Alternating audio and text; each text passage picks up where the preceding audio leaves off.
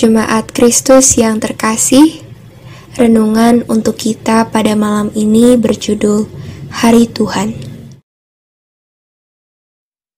Dan bacaan kita diambil dari kitab Wahyu pasal yang ke-19 ayat 5 sampai 8. Beginilah firman Tuhan. Maka kedengaranlah suatu suara dari tahta itu.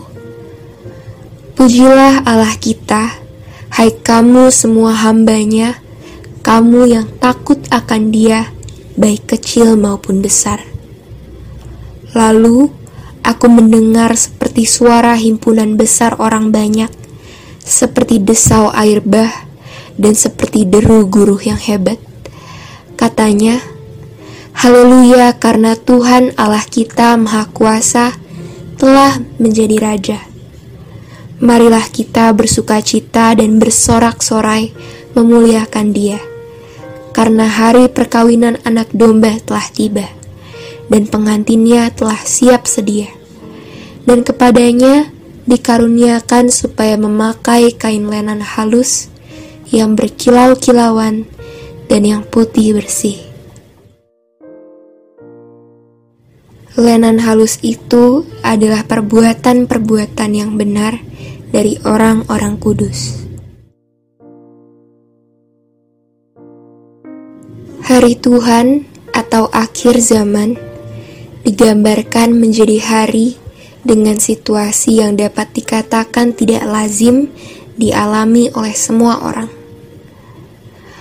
Hari Tuhan ditandai dengan peristiwa-peristiwa luar biasa dan mencengangkan. Seperti salah satunya yang tergambar dalam bacaan kita hari ini. Allah ditinggikan dengan gegap gempita dan dalam suasana yang megah serta kudus. Mari kita andaikan bila kita ada dalam peristiwa ini. Apa kira-kira yang kita rasakan dalam hati dan pikiran kita? Kalau hidup tidak neko-neko dan berupaya untuk hidup lurus, maka kita akan bersuka cita dalam situasi ini. Berbeda bila kita menyadari bahwa selama ini kita hidup tidak benar dan hanya mementingkan diri sendiri. Kita mengetahui bahwa kita salah, maka ada kemungkinan besar kita akan takut saat hari Tuhan akan datang kepada kita. Namun, bersyukurlah bila kita masih merasa takut dan tidak layak. Itu berarti kita sedang berada di jalur yang benar untuk bersedia dikoreksi dan menyadari kesalahan-kesalahan di masa lalu. Yang berbahaya adalah orang-orang yang mengetahui dan menyadari bahwa ia salah, namun merasa biasa saja dan tak perlu bertobat di hadapan Allah.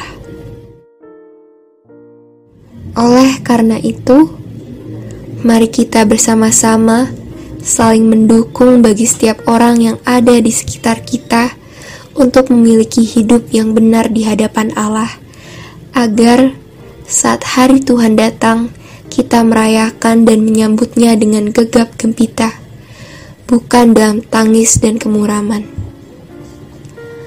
Mari terus belajar dan memperbaiki diri demi bersiap menyambut hari Tuhan. Demikianlah renungan malam ini. Semoga damai sejahtera dari Tuhan Yesus Kristus tetap memenuhi hati dan pikiran kita. Amin. Jemaat yang terkasih, mari kita bersatu hati menaikkan pokok-pokok doa yang ada di dalam gerakan doa 21 GKI Sarwa Indah. Mari kita berdoa.